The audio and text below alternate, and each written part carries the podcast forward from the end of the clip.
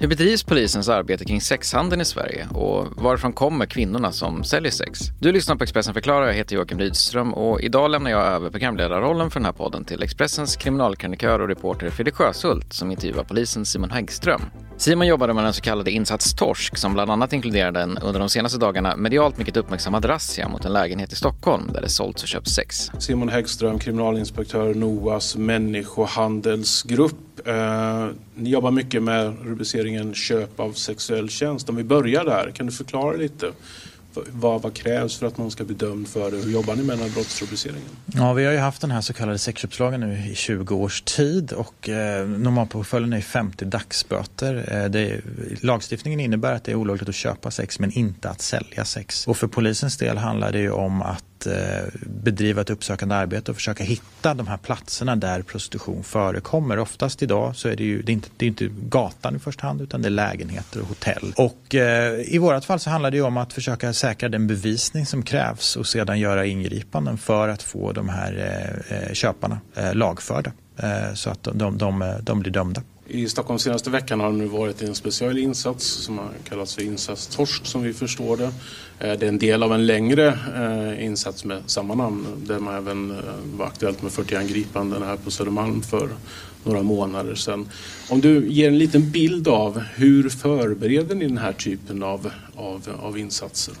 Ja, det här är ett, säga, ett insatskoncept som vi inte bara har gjort i, i, Stockholm utan de här veckoinsatserna har vi gjort över hela Sverige, alltså Örebro, Västerås, Gävle och så vidare. Och vi började, drog igång det arbetet i början på 2017 just på grund av att vi märkte att eh, kunskapen om prostitution och människohandel, om den här lagstiftningen som du beskriver, eh, var väldigt, den, den var liksom begränsad till specialister och specialistenheter. Men vi vill ju nå ut till den, så att säga, den vanliga polisen, till lokalpolisområdena och, och, och, och få en ökad kunskap. Och precis som att man eh, gör insatser mot trafik eller mot narkotika så vill vi försöka få ut det här att, att en vanlig polisstation ska kunna ha den kunskapen och kompetensen så att de kan göra en insats i den här världen också. Så att tanken är ju också en utbildning, att utbilda kollegor och ge dem kunskap. Och sen så åker vi då ut och gör precis det vi gjorde förra veckan. Vi omsätter teorin i praktiken och eh, kör då olika riktade insatser, ofta med fokus på sexköpare. Den här, den här världen är ju liksom idag bunden till, knuten till nätet. Alltså det finns ju specifika hemsidor som, som är skapade som ligger på det öppna nätet där de här kvinnorna annonseras ut. I de här annonserna så, så äh, ligger det oftast fotografier på, på kvinnorna och så är det äh, listor på vilken typ av sex de um, ställer upp på. Och det finns också prislistor. Och tittar vi på normal, den normala prisbilden i Sverige idag så ligger priset på 30 minuter 1500 kronor och eh, en timme 2 500.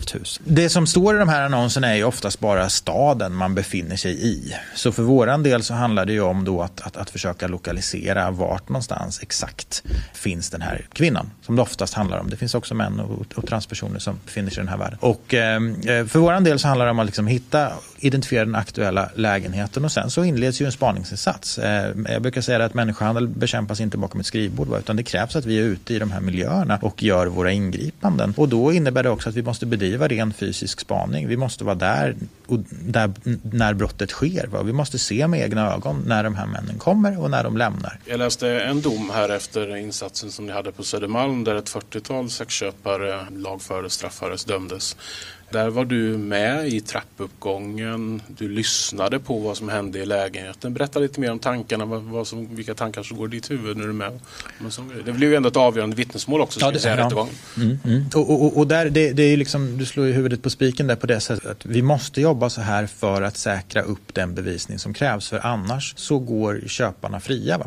Och, och, det är den här domen ett väldigt tydligt exempel på att det var mycket på grund av det som jag hade hört som gjorde att då den här mannen eh, blev också Eh, dömd. Eh, om jag inte minns fel. Så att eh, vi måste hela tiden tänka de termerna när vi är ute och jobbar, att det handlar om bevissäkring. Berätta lite mer om kvinnorna, vilken bakgrund de kommer Ska vi titta på länder så kan man väl säga som så här att, att det är en mängd olika länder representerade, men under de snart 12 år som jag har jobbat med detta så är det Rumänien och Nigeria som har dominerat prostitutionsmarknaden. Länder utöver det just nu skulle jag säga är Colombia, eh, Ryssland, eh, Ukraina, eh, Polen. Länderna, ursprunget kan variera kraftigt men oavsett om man kommer från Rumänien eller Nigeria så ser man tydligt att det finns en minsta gemensamma nämnare hos den säljande parten och det är drömmen om ett bättre liv. Man kommer många gånger från väldigt fattiga eh, förhållanden och det behöver inte se så fattigt ut i annonsen. Eh, eh, jag brukar alltid säga det att, att människohandel framstår på ytan alltid som frivillig prostitution. Du hittar inga annonser ute på nätet där det står hej jag heter Anna, jag är ett offer för människohandel, vill du, ringa, vill du köpa sex vänligen ring följande telefonnummer. Utan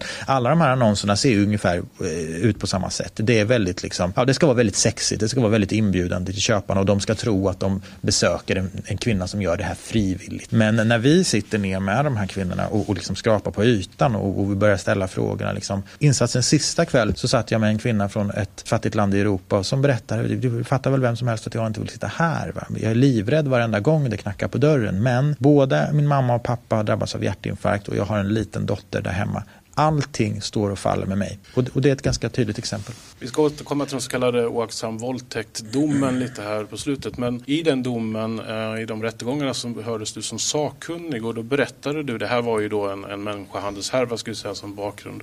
Och då berättade du om ett loverboy-syndrom eh, som en del av de här kvinnorna är utsatta för. Ja, loverboy-syndromet är ganska så specifikt för eh, den rumänska människohandeln. Loverboy-syndromet är en taktik som används av människohandlare och hallickar för att så att säga grooma in, locka in eh, unga eh, kvinnor i prostitution. Det handlar om att man använder kärleken som ett vapen till att försöka föra kvinnan till den punkten att få henne att börja prostituera sig. Och det här kan låta väldigt märkligt men för att ta ett, ett, ett konkret exempel då så en ung kvinna som växer upp under väldigt, väldigt fattiga förutsättningar. Så hon har ingenting. Vi pratar om kvinnor som som inte kan no ta någonting för givet som det som vi kan göra. Vi, vi, vi, tar, vi har ett jobb att gå till, många av oss. Vi har mat på bordet, vi har en säng att sova i, rinnande vatten, elektricitet. Många av de här kvinnorna kan inte ta det för givet. Och då så finns det då människohandlare och hallickar som har satt i system att uppvakta unga tjejer från de här fattiga områdena och liksom börja dejta helt enkelt. Och, få, och, och syftet då är att få kvinnan till den här punkten att hon blir dökär. Och många gånger så har man pengar. Man kanske, jag minns en kvinna som vi träffade, hon berättade att jag fick åka till Wien och bo på, på ett lyxhotell. Och en helt annan värld öppnades för mig. Jag trodde liksom att wow, det här kommer jag aldrig någonsin få uppleva. Det är klart att hon föll pladask för honom. Och hon såg plötsligt hur, hur, han hade ekonomiska förutsättningar att hjälpa hennes familj och så vidare. Och, och, och när man har nått den här punkten då att, att, att kvinnan har blivit väldigt, väldigt kär. Det är då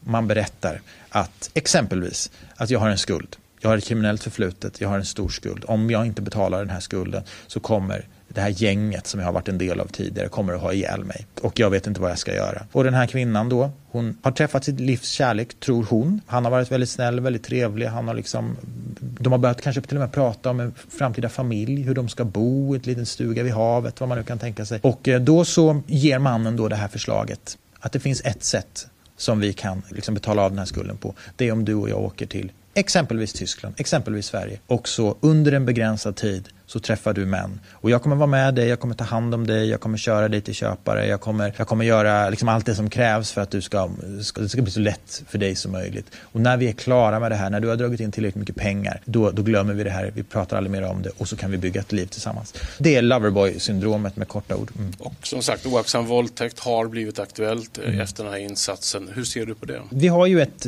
en, en dom där en sexköpare har dömts för oaktsam våldtäkt. Det är också den, den enda i nuläget vad jag känner till. Och där var det ju så att den sexköpare hade ju, det var ju ganska unikt på det sättet att kvinnan som han köp, som han köpte sex av, hennes människohandlare dömdes ju också för människohandel. Plus det faktum att åklagaren hade ju bevisning i form av att den här sexköparen hade skrivit en recension på ett prostitutionsforum där han hade så att säga, varnat för att det här rör sig nog om, om människohandel. Vad gäller oaktsam eh, våldtäkt så, så vi, vi, skulle egentligen behöva få det här prövat igen. Alltså vart går egentligen gränsen? Är det så att vi ska rubricera alla fall som oaktsam våldtäkt? För att jag menar, det är ju faktiskt så att mer eller mindre alla kvinnor vi möter befinner sig i en väldigt utsatt situation. Men, men det har vi, vi har inte riktigt fått klarhet i det utan vi har bara ett ärende. Jag gjorde bedömningen ute på fältet att under samtliga de här 28 ärendena som vi hade under veckan så rörde det sig inte om oaktsam våldtäkt utan det rörde sig om köp av sexuell tjänst. Men det här har ju nu också då ett specifikt ärende som har lämnats över till Åklagarmyndigheten och där åklagarna nu tittar på eh, om det kan bli tal om annan brottsrubricering. Du har lyssnat på Expressen förklarar, en podd där vi i varje avsnitt fördjupar en aktuell sak i nyhetsflödet. Du kan följa Expressens övriga nyhetsbevakning dygnet runt på Expressen.se, i vår app och i Expressen TV.